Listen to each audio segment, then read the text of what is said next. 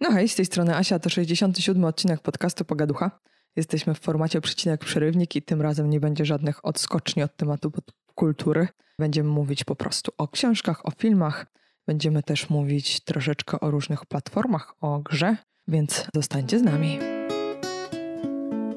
Pogaducha. Książki, filmy, seriale, popkultura. Cześć Łukaszu. Dzień dobry.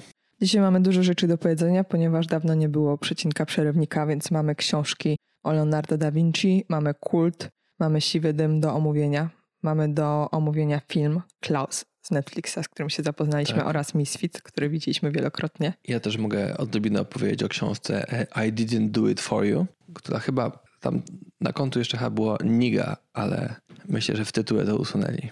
Okej. Do tego, a widzieliśmy też Dirty Dancing. Boże, widzieliśmy tyle rzeczy, więc po prostu zacznijmy, bo jeszcze mamy do tego grę jeszcze Właśnie. chciałam powiedzieć o platformach. Bo my też zaczęliśmy oglądać Movies That Made Us. Dobra, to zacznijmy od tego.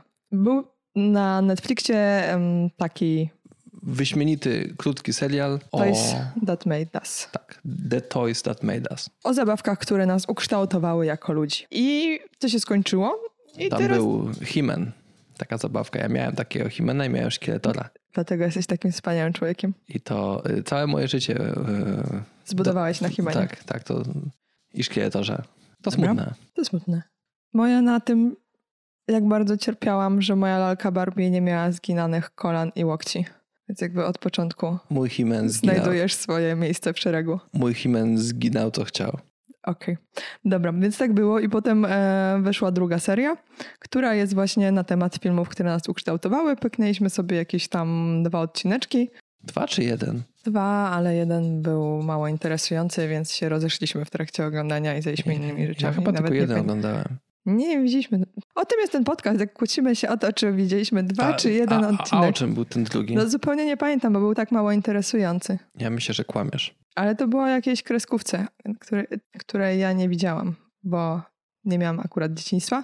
Ale potem był film, który ja widziałam i był to film Dirty Dancing, który się okazało, że ty go nie oglądałeś. Tak, ja go nie oglądałem, to jest bardzo dziwne. I twoje życie jest puste i pozbawione sensu. Było. Było. Do zeszłego tygodnia, kiedy y, zobaczyliśmy ten film. Masz coś do powiedzenia w tym, w tym, w tym temacie? No, piękny. I ślicznie tańczą. Mhm. Nie, ja w ogóle lubię chyba takie stare, ale dobre filmy, bo bardzo nie lubię starych, złych filmów, bo są męczące. To był stary, dobry film. Nie wiem, bo ja się boję, że będę teraz powtarzał rzeczy, które mi powiedzieli w tym Netflixowym serialu. Mhm. Bo no i w sumie ja też oglądałem go przez pryzmat tego Netflixowego serialu i, i tych rzeczy, na które oni tam zwracali uwagę. No, mi się bardzo podobało to, że reżyserem tego filmu był facet, który robił wcześniej tylko chyba filmy dokumentalne. I to czuć. Tak. Dla mnie to jest interesujące doświadczenie, ponieważ ja rzadko oglądam dwa razy ten sam film, a to jest taki moment, w którym widziałam ten film na pewno kilka razy jako bardzo młoda osoba. Ja przepraszam, ja, ja muszę przerwać, bo mi się wydaje, że jednak Joanna skłamałaś, bo drugi odcinek jest o Kevinie samym w domu. I na pewno go nie oglądaliśmy i na pewno byśmy się świetnie bawili. Żółwie ninja? Było To- coś takiego. Ale to było coś jeszcze innego. To było, to było coś innego, to był jakiś inny serial Okej. albo... To ja nie skumałam, bo tak bardzo mnie to nie interesowało, że aż nie, nie brałam w tym udziału. Ale wracając do tego, co mówiłam, to było dla mnie interesujące doświadczenie, żeby zobaczyć film najpierw jako nastolatka. Ja już wiem, przepraszam, bo Wojownicze Żółwie Ninja, one chyba były właśnie w The Toys That Ma- Made Us, tylko w drugiej serii. I to było o zabawkach z Żółwi Ninja, oczywiście, że tak. Okej. które też są bardzo ważnymi zabawkami i też miałem e, Leonardo tego z niebieską e, przepaską na, na oczy. Tak. On był moim ulubionym. On miał e, miecz. Ale już się dowiedzieliśmy z odcinka z twoim tatą, że twój tata pływa i miałeś drogie zabawki. Cieszymy się twoim szczęściem.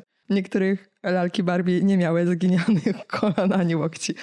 Wracając, widziałam ten film jako nastolatka i wtedy patrzyłam na niego wielopłaszczyznowo, ponieważ patrzyłam na różnice społeczne, na te różne niesprawiedliwości, na taki Na melony. klesowy.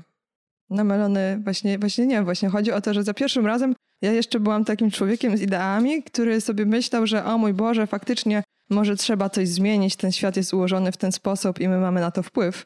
Jak ten świat będzie wyglądał i będziemy jak taka baby i będziemy walczyć o to, żeby coś się zmieniało. A teraz już na szczęście mogłam patrzeć na ten e, film w prawidłowy sposób, czyli płytko, przez pryzmat e, Patryka Swayze, który jest piękny. I uważam, że druga opcja jest dużo bardziej korzystna dla tego filmu. Mi było bardzo przykro, bo też no, po tym jak obejrzeliśmy ten dokument, ja wiedziałem, że go kolano mocno boli w niektórych scenach i, i to znowu nie pozwalało mi się cieszyć e, radością wykreowanych postaci, bo ja wiedziałem, że aktorzy cierpią. Tak, ale myślę, że zobaczenie sobie tego dokumentu i zobaczenie sobie właśnie tego filmu jest bardzo fajne, bo możemy dostrzec y, wiele rzeczy.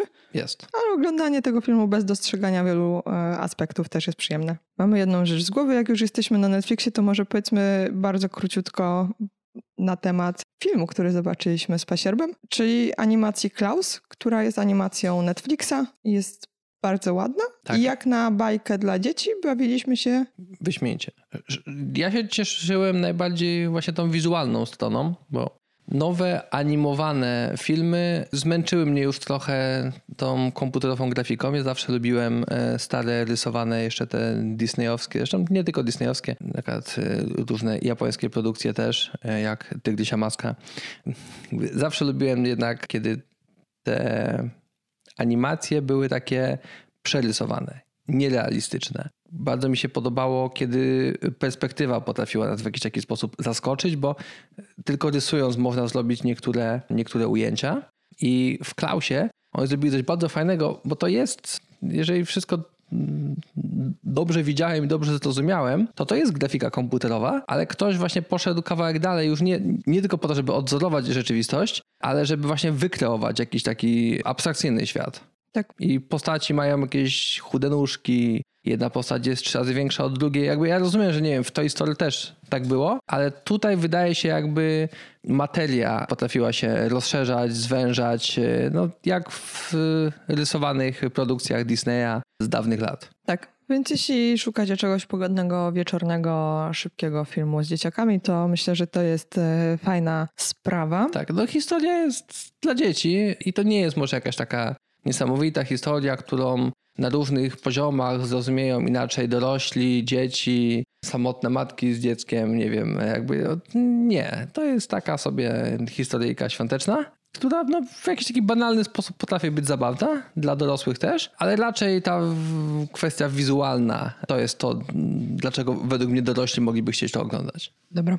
Myślę, I warto, że... warto, jakby no, zachęcam. I zachęcam twórców więcej takich rzeczy. Tak. Ja chciałam powiedzieć teraz o książce. Chciałabym. Ponieważ książek też mamy na dzisiaj dużo przygotowanych i ja czytałam książkę w ogóle jakby, żeby wprowadzić kontekst tego, to malowałam dom i słuchałam audiobooki po prostu w nieskończonej ilości. Zrobiłam sobie taki maraton smutku. Bo czemu by nie, bo był listopad, więc jakby to jest dobry miesiąc, żeby się tak do końca dokopać. Więc przesłuchałam 27 śmierci Tobiego Obeda, przesłuchałam sobie reportażu Był sobie chłopczyk o, o, o zamordowanym dziecku przez rodziców. Potem na dokładkę sobie wrzuciłam My dzieci z dworca Zo i stwierdziłam, że będę ten maraton mój kontynuować i wezmę się za Łukasza Orbitowskiego i za książkę Kult. Ponieważ wydawało mi się, że to właśnie będzie taka polska literatura, ciężka, męcząca, brudna, że to będzie takie troszeczkę reporterskie, że to znowu będzie na temat kościoła, bo zaraz wam opowiem jakby mniej więcej e, czym się w tej książce zajmujemy.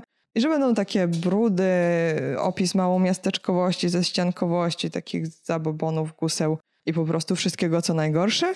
Ale okazuje się, że to była książka, która zostawiła takie przyjemne ciepło w moim sercu.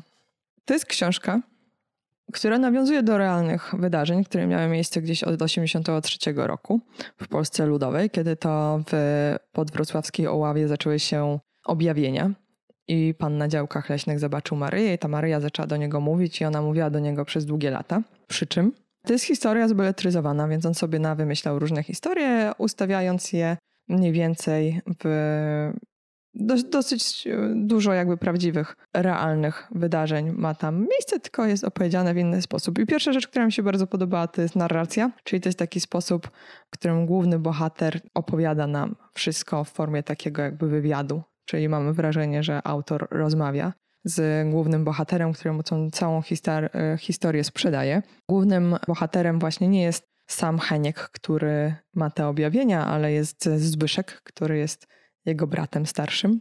Czyli bohaterami są Heniek i Zbyszek? No właśnie Zbyszek jest jakby...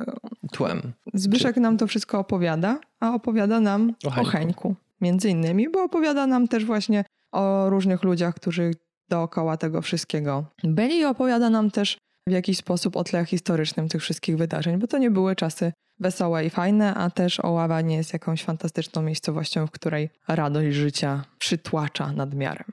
I to jest urocze. Tam to nie jest tak, że wszyscy tam są fajni, bo ludzie mają różne wady i nie wszyscy są najpiękniejszymi ludźmi na świecie, ale prowadzenie tej takiej narracji w sposób, w który to brat właśnie opowiada o tym Hańku, pozwala nam na opisanie tej postaci też w taki sposób, że ona nie jest negatywna. To nie jest człowiek, który jest oszustem, ponieważ udaje te wszystkie objawienia, ale też nie ma tam tej wiary w te objawienia, tylko jest takie dobroduszne przyzwolenie też na wszystko, co się dzieje. Jest w tej książce bardzo dużo miłości do tego brata, do żony, do dzieci. Bardzo, bardzo byłam pozytywnie zaskoczona tą książką. I pomyślałam sobie o wszystkich ludziach, którzy tam występują, że no prawie wszystkich, że tak zaczynamy ich lubić w trakcie płynięcia tej powieści. I to jest bardzo trudne do osiągnięcia, moim zdaniem, żeby napisać książkę w taki sposób, właśnie, żeby. Tak, my ostatnio kilkoma filmami czy książkami byliśmy zawiedzeni tym, że tam z nikim się nie buduje takie relacje jakiejś przyjaźni, sympatii. To tak, to miły e, oddech, miła odmiana. Tak, no bo to jest też tak, że Heniek, który ma te objawienia, jak tam chodził na, na działkę, no to Heniek był popsuty, jak to mówi brat, tylko nie bardzo mógł znaleźć ten moment, w którym Heniek został popsuty. No ale Heniek tam raz się topił, raz się uderzył huśtawką, raz coś takiego mu się wydarzyło, w szkole mu nie za dobrze szło. Potem właśnie też miał ale, tętniaka. Ale widzisz, to może Pan Bóg go próbował. Być może, być może, ale właśnie autor ani narrator tutaj nie, nie, nie ma w nim takiej ironii troszeczkę, jak teraz jest w tobie. I dlatego ta książka jest dobra, a gdybyś ty ją napisał, byłaby średnia. Inna. Szukałem słowa inna, prawda? Szukałam słowa inna. Tak, ale możesz ty samą historię opowiedzieć w inny sposób, jeśli czujesz taką potrzebę, to jakby nie czuj się skrępowany, tylko żeby to się nie odbiło na twoich domowych obowiązkach. I też prawdziwy Kazimierz Domański, który to objawienie miał, on skończył trzy klasy podstawówki, miał wstrząśnienie mózgu i właśnie to może też powodować pewne. Aha, czyli jakby rozumiem, to jest tak bardzo zbeletrystowana. Tak. Zbeletrystowana? Tak, tak, bo na przykład Kazimierz Dom zbeletryzowana. Zbeletryzowana książka?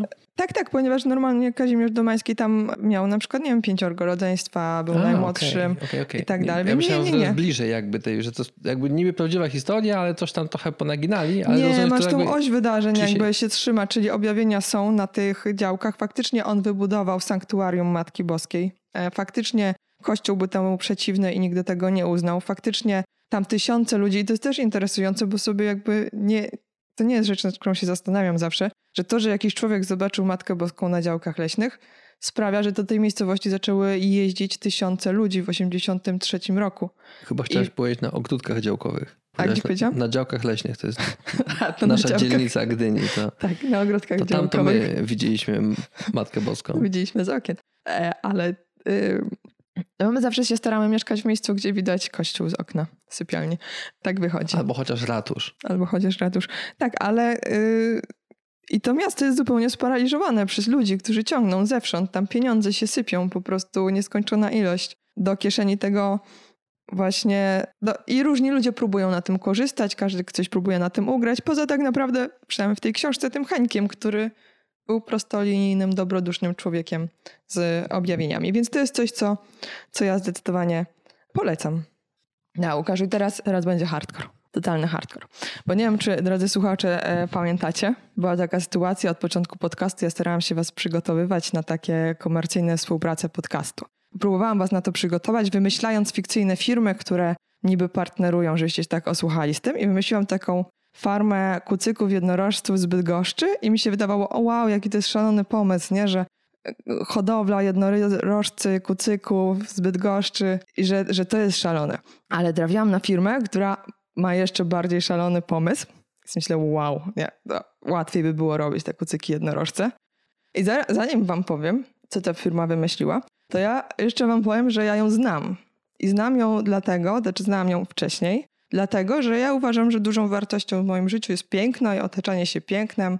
Lubię firmy, które robią piękne rzeczy. Dziękuję. Dlatego wybrałam mojego męża. Ale wracając do, do tematu, to znalazłam firmę przez to, że po prostu miała piękne grafiki, piękne zdjęcia, piękną identyfikację wizualną i tak ją poznałam pierwszy raz jakiś czas temu. I teraz musicie to połączyć, bo to jest firma, która zajmuje się no, podpaskami, tamponami i kubeczkami menstruacyjnymi. I jak oni to robią, że w piękny sposób, to musicie wejść na stronę yourkaya.com i tam sobie pooglądać, jakie mają piękne zdjęcia i fajnie to wszystko zrobione. I jakie mają fajne produkty, które są po prostu ładne, a ja uważam, że to jest istotne, żeby takie produkty higieny intymnej były ładne i ładnie podane.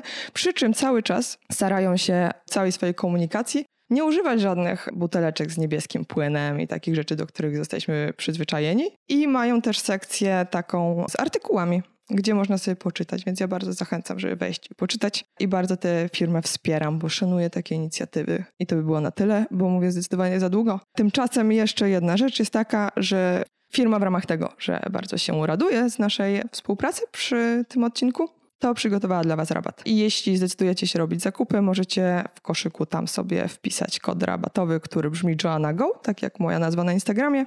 Zapraszam Was serdecznie, a ja wracam do opowiadania o tym razem o platformach internetowych. Myślę, że y, platformach takich y, streamingowych. O, to miałam na myśli. Bo dużo się wydarzyło.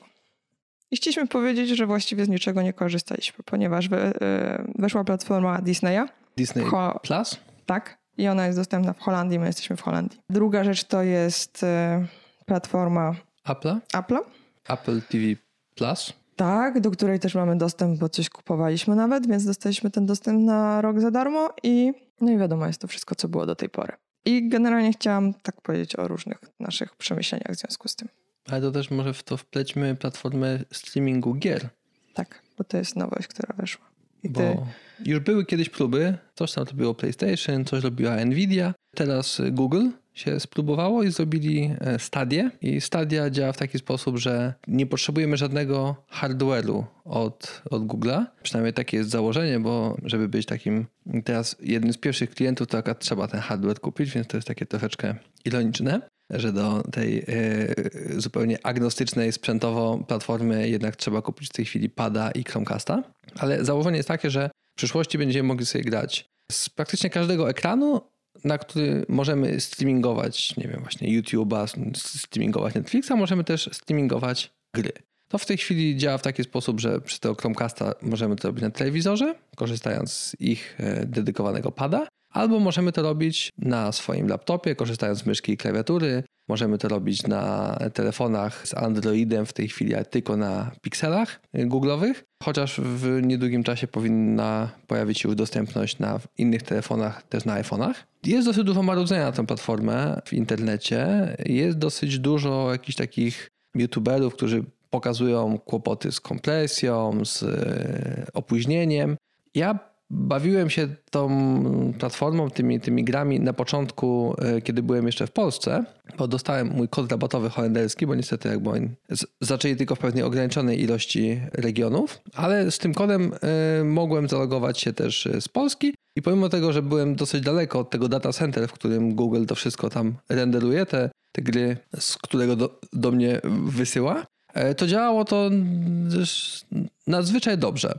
I w momencie, kiedy jestem teraz w Holandii, to działa bardzo dobrze. Ja jestem akurat zadowolony, grałem sobie i właśnie na takim laptopie, na którym normalnie grać bym nie mógł, a grałem sobie w najnowszego Assassin's Creed'a. Bez problemu grałem sobie na telewizorze, co było też bardzo fajne, mogłem sobie właśnie przechodzić między urządzeniami w taki bardzo niewidzialny sposób, czyli siedzę sobie u góry przy komputerze, gram, myślę, a ten kawałek, tą walkę chcę sobie odbyć na dużym telewizorze, więc wystarczyło, że zapauzowałem grę u góry, zszedłem na dół, odpaliłem telewizor e, i mogłem wskoczyć w dokładnie ten moment, ale już nie na ekranie laptopa, tylko na, na dużym telewizorze i sobie tamtą walkę odbyć. Bardzo fajne, bardzo mi się podoba i w przeciwieństwie do tego, co mówi internet, ja wierzę, że to się przyjmie. I jest naprawdę mnóstwo graczy, y, którzy nie są youtuberami growymi i którzy nie porównują super gamerskich komputerów, najdroższych modeli konsol e, do tego streamingu, tylko po prostu będą chcieli sobie pograć i, i wydaje mi się, że też wejście w tą platformę nawet teraz nie jest tak drogie, bo to jest chyba 130 euro, czy jakieś nie 600-700 zł. Za tyle chyba nie kupi się w tej chwili żadnej konsoli. Może tego najtańszego Xboxa, który nie ma kieszeni na płyty, czyli tego, który jest tylko przez internet można pobierać, ale chyba nawet też nie. On chyba też jest w tej chwili ciągle minimalnie droższy, więc y, mam wrażenie, że to jest najtańsza metoda wejścia gry. Wystarczy mieć telewizor, e, no mówię, albo byle jakiego tak naprawdę laptopa, na którym można odpalić przeglądarkę Chrome. Ja uważam, że to jest super fajne, ponieważ ja nie znoszę tych walających się konsol. I, i, i też grałaś, prawda? Jakby i ta... Tak. Rozrywka była dla ciebie, no jakby, czy widziałeś jakąś różnicę między tym, a jak wcześniej grałaś nie, na PlayStation albo na Xboxie? Nie. Nie, prawda?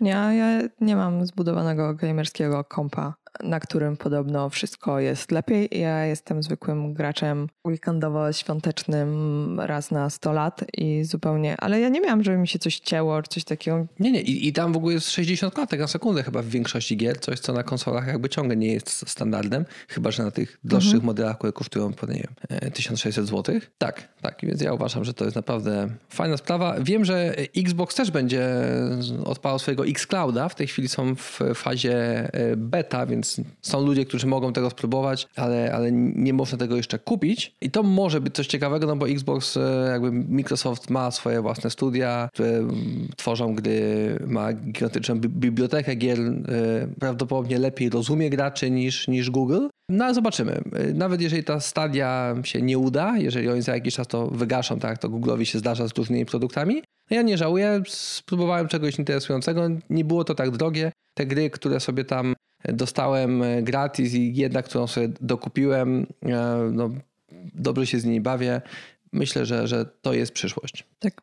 A o ile na przykład, nie wiem, przy książkach ja jestem w stanie poświęcać czas na research, zamawianie i różne takie rzeczy, bo to jest istotna dla mnie część życia, to na przykład przy grach ja chcę mieć po prostu łatwy dostęp, a też nie chcę, żeby ta konsola wiecznie leżała. No mieliśmy problem nawet z tym, że ty chciałeś, żebym wycinała dziury w komodzie, żeby ta konsola się chłodziła. Tak, dla tak, mnie bo, to jest za dużo inaczej jak, zabawy. Tak, jak leżała na wierzchu, to nam nie mieściła się na komodzie razem z głośnikiem, z soundbarem od telewizora. Więc albo to wszystko było krzywo i brzydko, albo musielibyśmy przebudowywać komodę. No w tej chwili konsola e, albo Xbox Ja udaję, że jej nie widzę, ciągle więc mamy, nie mówmy o tym. Leży na podłodze pod komodą. No, według mnie wygląda pięknie, ale... No nie wszyscy się z tym zgodzą, więc jakby to jest kwestia do prawienia. Tymczasem, skoro już mówimy o tym, że masz Chromecasta podpiętego, ponieważ Stadia, to problem, który ja teraz mam i nad którym bardzo ubolewam i przez który nie oglądam filmów, seriali, praktycznie niczego nie robię, jest to, że tych platform do oglądania jest bardzo dużo. No ja nie będę miała wszystkich naraz, bo też nie będę za wszystkie płacić. Chociaż tak naprawdę i tak teraz mamy różne platformy i jak próbowaliśmy sobie zobaczyć serial od Apple'a, to przez Chromecast to nie działało dobrze, to nam przeskakiwało i skakało. A wcześniej mieliśmy Apple TV. A wcześniej oglądaliśmy rzeczy przez PlayStation, jak mieliśmy PlayStation, a nie Xboxa. I to jest dla mnie tak męczące, że ja muszę się za każdym razem jakby zastanawiać, jak mieliśmy HBO, to też nie byliśmy w stanie go oglądać, bo mieliśmy. Tak, bo coś było na PlayStation, właśnie chyba było coś. A, bo wtedy był jeszcze Showtime, chyba. Tak, i chcieliśmy mieć Showtime. I Netflixa, i chyba, chyba Netflix był na wszystko, ale Showtime i HBO, jakby jedno było na Xboxie, drugie było na PlayStation, a w tej chwili niby wszystko sobie puszczamy z Chromecasta, jesteśmy zadowoleni, więc Apple postanowiło nie obsługiwać Chromecasta swoim Apple TV Plus, który mamy niby za darmo. W no, cenie no, niby działa, zakupek coś niby sprzętu, działa, ale... coś niby nie działa. Jak, a znowu, jak masz podłączyć laptopa, szukać odpowiedniego kabla, ja nienawidzę kabli i tak długo, jak będę musiał używać kabli, tak długo nie będę oglądać rzeczy. Tak, a, jest... a my też mamy stary telewizor, który ma jedno złącze HDMI i przekładanie tych kabli to jest. No, no ten kabel się po prostu upiorne, złamie tak, i tak, nie będziemy mieli nic. Tak to wygląda. Więc w ten sposób nawet nie próbowałam podejścia do Disney Channel, ale zrobię to, ponieważ to nie jest Disney Channel, tylko Disney Platform, coś tam, Disney coś tam. Plus. Plus. Ale zrobię to, bo skoro już jestem w Holandii, a to jest w Holandii, wiem, że dużo ludzi kombinuje, jak się do tego dostać z innych krajów, na przykład z Polski, no to trochę mam wyrzut sumienia, że mam taki łatwy dostęp i nawet nie przetestowałam tych siedmiu darmowych dni, ale szlak mnie trafia na myśl o tym, że znowu będę musiała sprawdzać, co działa na czymś, na czym, a znowu staram się nie oglądać rzeczy na iPadzie ani na laptopie, bo to są moje narzędzia pracy i staram się nie mieszać pracy z rozrywką i w ogóle jakby nie mam zainstalowanego na przykład Netflixa na telefonie, bo moje życie by się skończyło. Siedziałabym i oglądała Netflixa. Dobra, książka Erytrea? Erytra? Dobrze. Chociaż nie, teraz za dużo nie? mówiłeś, ja mówię na temat książki. Leonardo da Vinci czy Siwy Dym najpierw? A już... Ja, ja mam wrażenie, że już trzy razy mówiłaś o Leonardo da Vinci, ale nie wiem. No tobie mówiłam, bo ta książka ma 25 godzin, więc ja jej słuchałam przez 3 tygodnie i na bieżąco ci robiłam... A i na pewno już jeszcze o tym nie opowiadałaś? No, bo ostatni przecinek był a 100 lat temu. Okej. Chociaż nie wiem. Wydaje mi się, że nie, bo nie miałam żadnych notatek do tego. Mam chociaż nadzieję, że będziesz mówiła to samo, co poprzednim razem, a że nie wyjdziesz na e, kłamcę i krętacza. Bo nie wiem, czy wiesz, ale też nagraliśmy bardzo fajny odcinek, który po prostu gdzieś został na dysku zewnętrznym, który padł, nie? Więc jakby O, tylko my go słyszeliśmy. on był najlepszy. No, no Ja myślę, oj, że co, do- co to był za odcinek? To był taki materiał na Pulitzera. No i to, że Marek Konrad zdecydował się w nim wystąpić gościnnie, tak. to było dobre. Tak. No, I- ale i- trudno, no jakby. Nie wszystko zawsze musi być perfekcyjnie. Nie, ja nie będę dużo mówić, bo to jest bardzo długa książka i tu jakby napisał ją Walter Isaacson, który napisał tą, i tak to się chyba mówi, e, biografię Steve'a Jobsa, która jest kultowa. No i kilka innych do, kultowych tak. biografii. Jakby Więc to jest... człowiek, który po prostu jest dobry w pisaniu biografii i tym się zajmuje, jeśli chodzi o researchowanie, prowadzenie narracji i tak dalej. Jest w tym niezły. Jeśli robimy sobie takie słuchanie tego... Chociaż, Mhm. chociaż, ja ostatnio słuchałem właśnie jakiejś u- y, opinii na temat tej biografii Steve'a Jobsa i w sumie jak na kogoś, kto miał tak dobry dostęp do Steve'a Jobsa, pewne ważne i trudne pytania nie zostały tam poruszone, ani zadane, może zadane, ale wycięte z książki. E, Więc fajny chłopak, ale zaczynam mieć też pewne, pewne wątpliwości co do książki o Steve'ie Jobsie. E, Wydaje mi się, że dało się to zrobić lepiej, więc No, nie wiem, bo czasami jest tak, że jakby możesz coś zrobić z pewnymi kompromisami albo wcale i wtedy musisz ocenić, czy jakby te kompromisy to nie jest za dużo. Jeśli on ocenił, że to nie jest za dużo, bo i tak będzie jakby dobra książka, no to w może porządku. tak, może tak. Ale gdybyśmy tak żyli w czarno-białym świecie, no to To syf. to syf. tak czy inaczej. Leonardo e, da Vinci nie żyje i nikt, żadni prawnicy chyba tak intensywnie nie reprezentują jego interesów, więc można o, nich powiedzieć, o nim powiedzieć więcej być może niż o Steve Jobsie. I co ciekawe, tych informacji na temat Leonardo da Vinci dostajemy coraz więcej z biegiem czasu, więc e, dużo rzeczy dowiedzieliśmy się na przykład na przestrzeni ostatnich lat, więc jeśli wygrzebiemy sobie nawet jakieś stare książki sprzed 50 lat, to, to nie będzie tak, bo jakby moja pierwsza myśl była taka, okej, dobra, on żył dawno temu, więc, mam bardzo dużo materiałów. Mhm. Ale to nie jest tak, bo dużo rzeczy dowiedzieliśmy się właśnie na przestrzeni ostatniej dekady.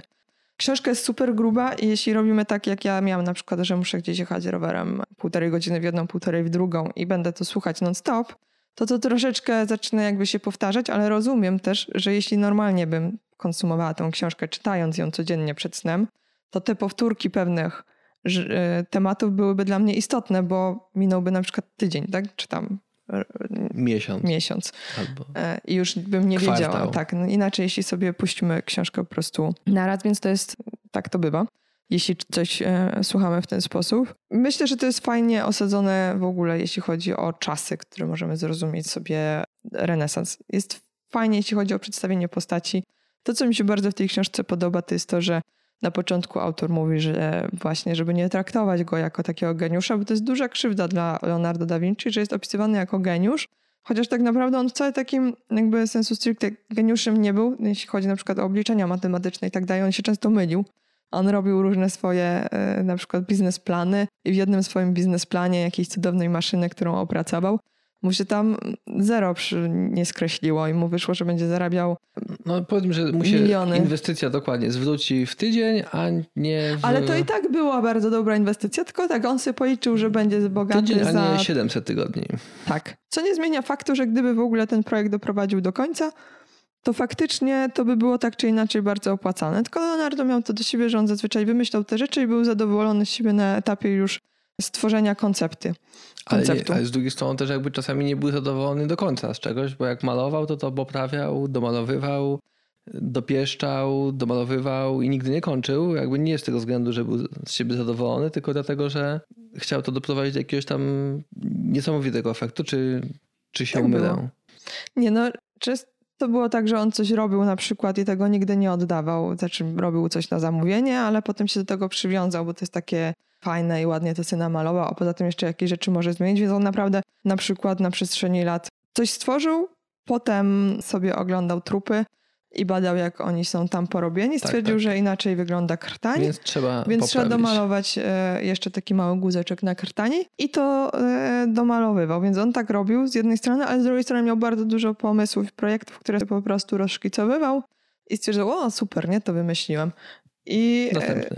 następny. I też był dobry marketingowo, jeśli chodzi na przykład o kontakty z różnymi królami. no to kolejna książka. ludźmi. Tak. I po prostu opisywanie tego, jaki on jest super. Jeśli chodzi jakby o PR-owo, nie, ja, ja myślałem, że zrobimy tak, Tak. e, Leonardo, że już teraz przejdziemy do kolejnej tak, książki. tak. Tylko powiem bo- jeszcze, że bo to jeśli było chodzi o dużo powiedzieliśmy. Tak. gadanie... Ja myślę, że jakbyśmy mówili dalej, to byśmy to świetnie opowiedzieli tą książkę. A, dobra, okej. E, Lećmy dalej, ponieważ jeszcze... e, I didn't do it for you. To jest y, książka, którą ja myślę, że muszę więcej opowiedzieć o, o tym, dlaczego ją czytałem, niż o samej książce. Książka, chociaż może najpierw tak szybko, szy, szy, szybko o książce.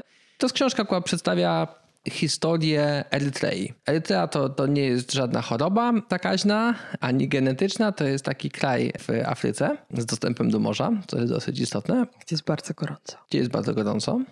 Tam są jedne z najcieplejszych też miejsc na świecie, w, tym, w tejże E- Erytrei. I to jest kraj, który jeżeli Polacy myślą, e, że Polska miała pecha i że zawsze byliśmy oszukiwani przez mocarstwa i wykorzystywani i okłamywani, i że jeszcze potem na końcu sami rozkradliśmy nasz dobrobyt, to polecam ją przeczytać, bo to jest książka, która jest naprawdę smutna. To jest książka o kraju, który nawet miał szansę z tej swojej serii nieszczęść się wygrzebać, ale się nie wygrzebał. W chwili obecnej jest to piekło na ziemi.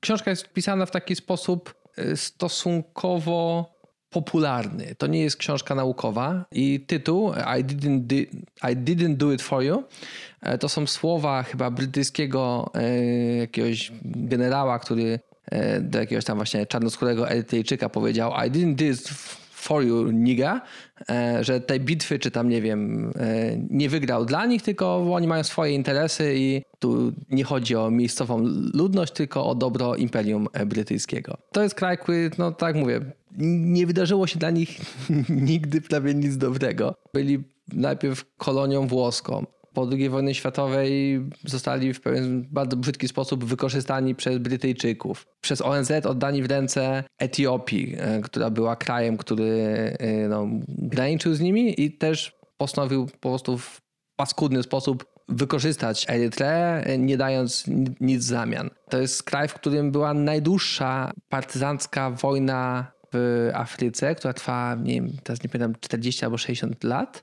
Y, Zwycięska wojna na końcu. Niestety y, no, to zwycięstwo zostało też na, y, później zaprzepaszczone.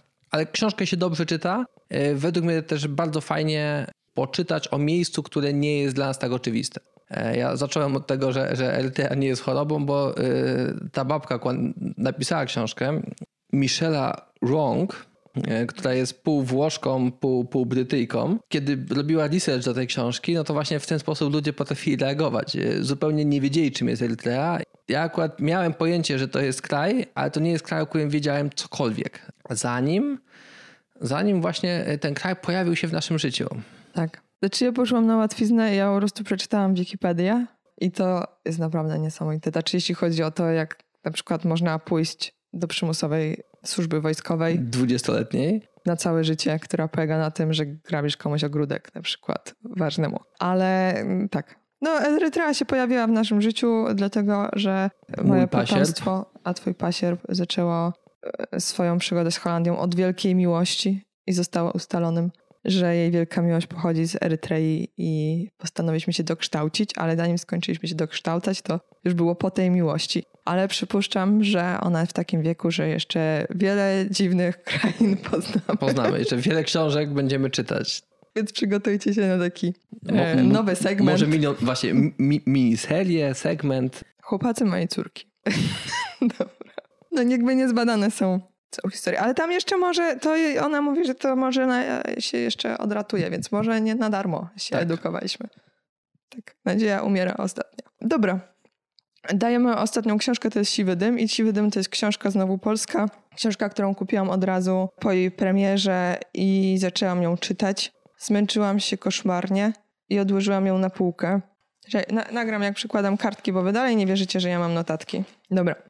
Książkę Siwy Dym albo Pięć Cywilizowanych Plemion, bo tak dokładnie e, wygląda tytuł, napisał Ziemowicz Szczerek. I on jest publicystą, felietonistą i ja go z tego znam, że coś tam sobie czasem takiego krótkiego e, jego przeczytam, ale nigdy się nie zabrałam na żadną książkę pełnoformatową jego autorstwa.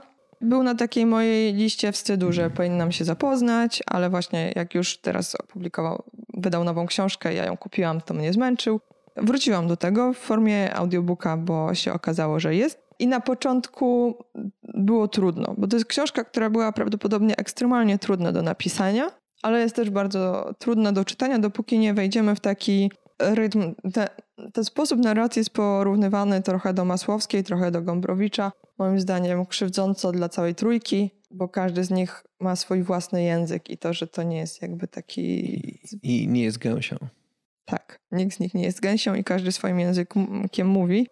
Przy czym Zimowy Szczerek robi to bardzo sprawnie, ponieważ tam są różne neologizmy, regionalizmy, to jest język futuro, e, futuro archaiczny, takie sformułowanie przeczytałam i ono mi się bardzo podoba, ale fakt jest, że język w ten sposób często ewoluuje, że pewne rzeczy stają się archaizmami, a potem wracają do łask albo w jeszcze jakiejś innej formie, albo jeszcze w innym znaczeniu. I on bardzo dobrze odrobił lekcję z tego, czyli czasami używa jakieś słowo archaiczne, które jak się domyślamy z kontekstu, ono już ma trochę inne znaczenie. I to jest super. E, używa tych e, różnych regionalizmów, dlatego że Polska jest podzielona na pięć plemion i każdy ma jakąś swoją tożsamość. On akurat nie jest Polakiem, jak twierdzi, tylko e, pochodzi z Europy, czyli właśnie to jest tutaj Niemcy, Szwecja, Finlandia, takie regiony, ale wyjechał z Polski, więc w Polsce się urodził, ale jest Europejczykiem. I bardzo ciężko powiedzieć, o czym jest ta książka, ponieważ główny bohater jest reporterem i jeździ w różne miejsca, gdzie właśnie jest wojna. Też nad Polską jest siwy dym, który ma różne dziwne właściwości, nie wiadomo czym tak naprawdę jest. I narrator też nie stara się nam wszystkiego tak dokładnie tłumaczyć, ponieważ on jest reporterem. O, to, to, to, akurat lubię. Jakby to jest, y, bo kiedy czytam science fiction, mhm. Bywa takie science fiction, w którym cały czas ktoś próbuje mi tłumaczyć każdą najprostszą rzecz, a jest taki, w którym ktoś przebiega przez ulicę, skakuje na hoverboard i znika. Tak. No ale właśnie, jeśli. No, to jest tak, że on jest reporterem, więc on opisuje ci w jakiś sposób to, co się dzieje teraz. Tak. Ale nie tłumaczy zmiany, ci jakieś... nawiązań, Oczywiście. co było wcześniej, bo on nie jest historykiem, który ci teraz wykłada historię ostatnich 20 czy 50 lat. I każdy wie, bo tam jak, przeżyłeś to, dokładnie. więc byłoby głupie, gdyby on jak ci to tłumaczył. Włączasz telewizor, żeby obejrzeć wiadomości, tak. to ci tam nie mówią o tym, że była wojna polsko-niemiecka. Tak, tak, że dzisiaj w Polsce tam 12 stopni i deszcz. Polska została ochrzczona. Więc tak, więc ja to szanuję i trochę jeśli się rozkojarzysz, to możesz w ogóle przegapić jakiś taki, to jedno zdanie, gdzie e, jakaś informacja jest jednak tobie e, sprzedana. On jest takim reporterem, który troszeczkę dużo pije i ćpa, więc czasem wciągnie kreskę, więc to jego takie opowiadanie ci tego, to nie wiesz, co naprawdę tak wygląda, czy on po prostu trochę tej kreski za dużo wciągnął. Wydaje ci się, że może, może to drugie, ale nie masz pewności. Ciekawe doświadczenie literackie. O, to jest to, co ja bym chciała powiedzieć. Jeśli chodzi o samą historię głównego bohatera, to to nie jest o nim. No może jest o nim, jakby w pewien sposób jest o nim, ale, ale to jest raczej o, po to, żeby pokazać nam świat, który autor sobie stworzył i wykreował, co jest jego taką zabawą w tworze, wymyślanie tego, jak to by mogło wyglądać, jeśli pewne rzeczy pójdą w jakimś dziwnym kierunku. Szanuję. Zanim przejdę do kolejnej książki pana autora, poczekam trochę czasu. Nie wiem, teraz powinniśmy powiedzieć o trzecim sezonie Kucy z Bronxu? Nie, bo już, już jesteśmy na końcu i kuce z Bronxu zawsze są dobre, ale już mówiliśmy o kucach z Bronxu wielokrotnie w naszym popkulturowym, ambitnym e, podcaście. Więc powiedzmy o tym, że widzieliśmy The End of the Fucking World 2. A, ale tu... I powiedzmy tylko, żebyście nie oglądali tego. I żebyście obejrzeli e, pierwszy, jeżeli go jeszcze nie tak, widzieliście. Ale o tym jest, mówiliśmy. Jest piękną, zamkniętą całością. Tak, I... trzeba go oglądać. To nie jest też tak, że obejrzenie tego drugiego sezonu psuje nam pierwszy. Według mnie nie. Jest po prostu zupełnie bezsensowną, e, jałową czynnością. E, I lepiej obejrzeć. Nie, ale pozostawia pewien niesmak, bo to jest tak, że przez dwa lata od momentu, kiedy powstał pierwszy sezon, ja miałam same ciepłe myśli e, na dźwięk nazwy tego serialu, na dźwięk playlisty, którą sobie z przyjemnością odtwarzam. I z przyjemnością zobaczyłabym sobie znowu pierwszy sezon. I to było bardzo przyjemne, tak jak mówisz, zamknięte doświadczenie tak, kilku tak. odcinków, które są króciutkie, więc to jest ale, ale to jest też, rozrywka. Nie wiem, czy my to wcześniej wspominaliśmy, bo według mnie to jest raczej poezja niż Mówiłeś, proza. Wspominaliśmy o tym. Tak. I, I my zrobiliśmy teraz nawet taki eksperyment, bo według mnie ten drugi sezon, on wygląda jak jakiś fanfiction. Próbuje naśladować klimat pierwszego sezonu. Y, No, postaci są podobne, ale to nie są te postaci, które były w pierwszym sezonie tak naprawdę. Pewne zabiegi, E, takie da- jak y, suknia ślubna, no jakby oni próbują mówić językiem tego pierwszego sezonu, ale my, my, my zrobiliśmy coś takiego. Obejrzeliśmy sobie, po tym jak obejrzeliśmy, nie wiem, połowę tego drugiego sezonu, odpaliliśmy sobie pierwszy odcinek pierwszego. I to nie jest to samo. I tak jak w drugim sezonie odcinki są tej samej długości, nie wiem, 20 parę minut, króciutkie, ale w nich się nic nie wydarza i nagle jest o kolejny, o kolejny, o kolejny. I odpaliliśmy pierwszy sezon w pierwszym odcinku, który miał te same 20, tam nie wiem, 4 minuty e, na zegarze, tam się wydarzyło tyle rzeczy w tym pierwszym odcinku, że my byliśmy po prostu w szoku, jak bardzo właśnie napakowane znaczeniem, językiem, sytuacjami. No, to na, naprawdę to była taka mała bomba e, każdy z tych odcinków i każdy z tych odcinków potrafił wywrócić wszystko Tak. do góry nogami, Przy zawrócić czym cały czas to rzeki, była wielka kula pędząca ku końcowej zagładzie. która nastąpiła na końcu. Tak, i to jest jakby fair. Znaczy ten, ten serial po prostu nieuchronnie dąży ku temu, że już wiesz, że wszystko będzie źle. I nie rozczarowuje cię, bo wszystko jest źle. Tak, a drugi kończy się tym, jak nie, ale nawet nie kończy, tylko jakby każdy kolejny odcinek macie trochę podnosić na duchu i trochę mówić, że może jednak będzie dobrze. Nie spoilerując, jest jedna scena, w której... No czemu nie spoilerując? Spoilerując Okej, będzie spoiler. teraz. Jest jedna scena, w której ja sobie pomyślałam, okej, gdybyście tak zrobili, to miałabym jakiś dla was szacunek, No ale tam- po tych wszystkich odcinkach, które widziałam, już wiem, że się na to nie zdecydowaliście. Tak, bo tam powiedzmy ta, ta para głównych bohaterów zostaje zastrzelona przez yy, no, tr- trzeciego głównego bohatera w taki bardzo, bardzo Piękny poetycki, sposób. piękny sposób, Taki sposób, który byłby y, perfekcyjny w pierwszym sezonie. ale i który też mógłby do pewnego stopnia uratować drugi sezon. Tak, i gdyby w tym momencie jakby zrobili stop i zakończyli ten sezon, to byśmy sobie myśleli, okej, dobra, czyli jednak nam się wydawało, Uśpili że ten nasze, serial jest taki dokładnie, zły. że, że u, u, uśpili naszą czujność i nagle zamietli.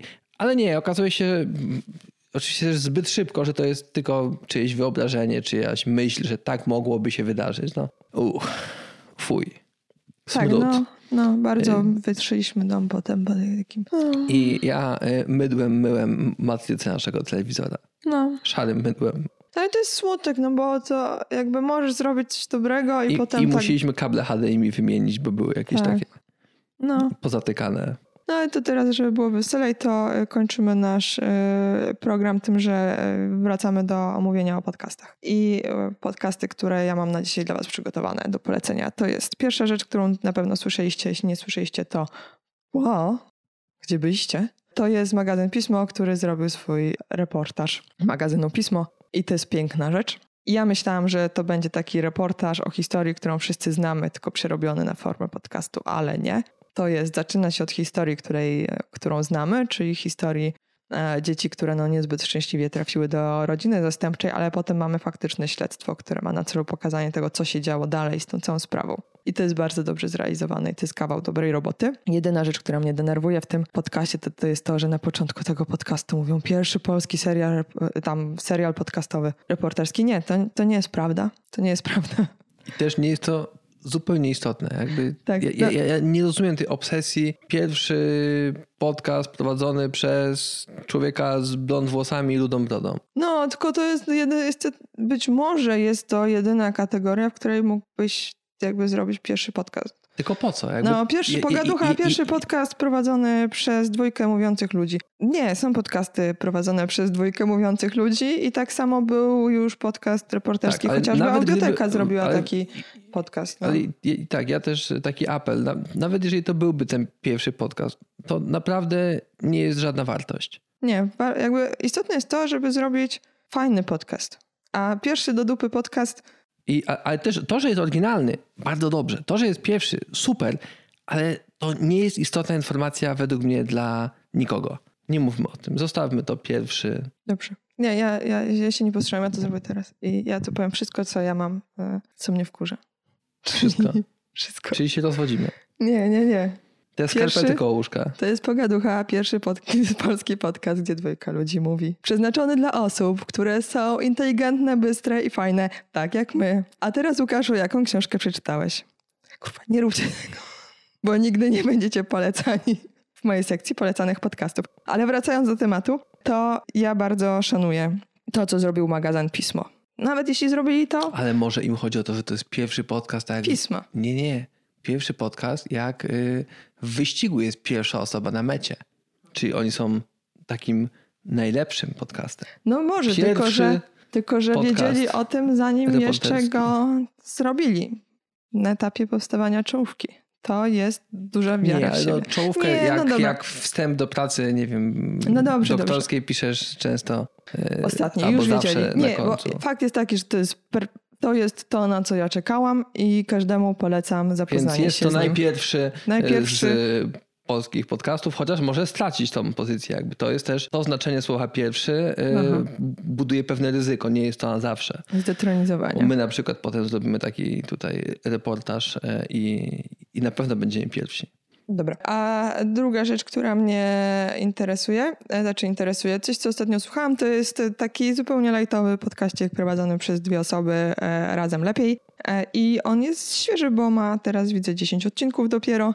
Zupełnie niezobowiązujący na tematy lifestyle'owe, na przykład kupowanie z drugiej ręki, jak pracować z domu i nie zwariować. Też nagrywałam na ten temat podcast, możecie sobie zobaczyć, jak Na- zaplanować Nasz święta. był pierwszy. Nasz był pierwszy. I na przykład domowe luksusy. Ja sobie słuchałam odcinka domowe luksusy i e, to są ludzie, którzy w domowych luksusach wymieniają dobrą pościel, żeby się miło spało i na przykład wymieniają dużo rzeczy, które mają związek z drzemeczką, nic nie robieniem, zawinięciem się w kocyk i ostre noże, bo wtedy się lepiej e, gotuje. Więc ja mam ostre noże i faktycznie się lepiej gotuje, więc nie kłamali. I faktycznie e, też szanuję drzemeczki. I na tej podstawie stwierdziłam, że jest to podcast godny polecenia, więc I że to są dobrzy ludzie. tak, no powiedziałam sobie, jeśli ktoś ma taki szacunek, jakby nawet jeśli jesteś złym człowiekiem, a tak bardzo szanujesz drzemki, to, jakby nie zrobisz nic złego, to się nie chce. To jest moje założenie. Więc nawet jeśli nie są najlepszymi ludźmi na świecie, to i tak spoko. No dobra, nie, na pewno są. E, Więc to są dwa podcasty na dzisiaj. Mi tu równo pyknęła właśnie godzinka, jak to jeszcze pomontuję, to będzie mniej. Więc myślę, że czas mamy dobry. Tyle. Słyszymy się właśnie, słyszymy się za tydzień, y, tam czy za więcej niż tydzień może troszeczkę, ale będzie odcinek super fajny z gościem z, już wam powiem, to będzie Kim zostanę jak dorosnę. Takie klasyczne, z super gościem, więc, więc czekajcie. To by było na tyle. Kolejny odcinek już za tydzień.